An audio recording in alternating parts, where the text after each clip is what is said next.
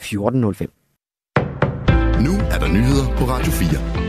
Der er ikke noget, der indikerer en direkte militær trussel mod Danmark fra Rusland, fastslår Mette Frederiksen ved dagens pressemøde. På pressemødet blev der præsenteret et mål om at investere flere penge i forsvaret i fremtiden og et tilsavn om sikkerhed for Ukraine. Alt sammen på baggrund af truslen fra Rusland. Men den trussel er altså ikke rettet mod os herhjemme, understreger statsministeren. Men vi har en, en øh, stigende øh, frygt for, at, at det, vi ser i Ukraine, ikke er en endestation for Rusland, men måske mere er en delmængde på vej mod noget andet.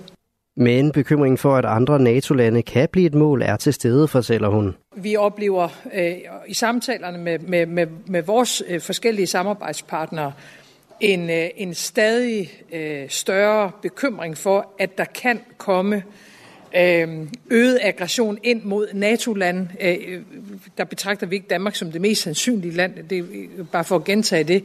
Hvis og så frem, at vi ikke har den nødvendige afskrækkelse, det nødvendige forsvar og det nødvendige sammenhold i NATO.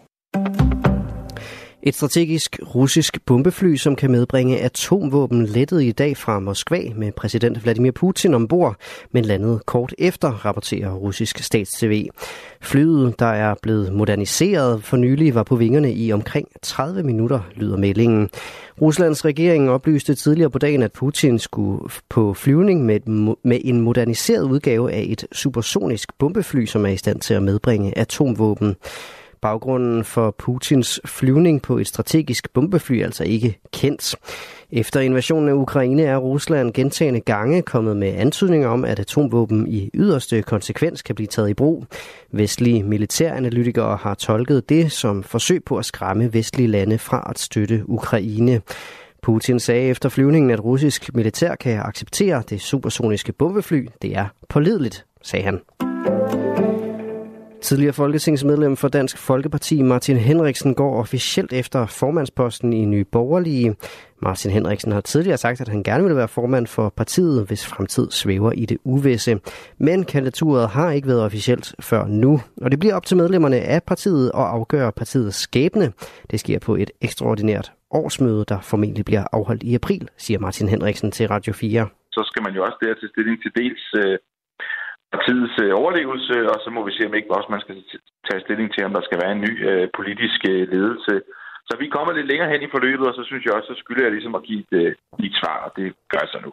Martin Henriksen siger, at partiet skal være det mest markante på udlændingepolitikken og føre en borgerlig politik, en borgerlig økonomisk skattepolitik. Hvis partiet overlever, så får Martin Henriksen en modkandidat, og det er byrådsmedlem for Nye Borgerlige i Næstved, Gita Nelander stadigvæk, at øh, Martin han bærer rundt på noget DF-DNA, øh, øh, og øh, der er jeg jo slet ikke. Så, øh, og der, jeg synes også, der er en forskel i forhold til øh, den politiske bredde.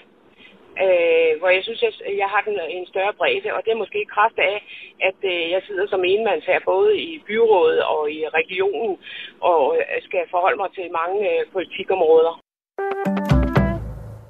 Politiet indkalder nu skoleledere efter flere bortførelsesforsøg, det fortæller Nordsjællands politi i en pressemeddelelse. En mand forsøgte at tvinge to drenge ind i en sort varevogn i Nivå. Derefter løb han efter dem, indtil de søgte tilflugt på en skole. Efterfølgende har politiet modtaget et stort antal henvendelser om sorte varebiler. Ingen af dem har dog ført til en opklaring af sagen. Politiet har haft en lignende sag i Hørsholm, og derfor tager de nu initiativ til et møde med skoleinspektørerne i politikredsen. Omstillingen til elbiler kommer til at ske lidt langsommere end bilgiganten Mercedes-Benz først havde forventet. Indtil nu havde bilproducenten været forberedt på et salg på op til 100 procent i elbiler i 2030. Det er dog el- og hybridbiler, hvis altså efterspørgselen vel at mærke var stor nok.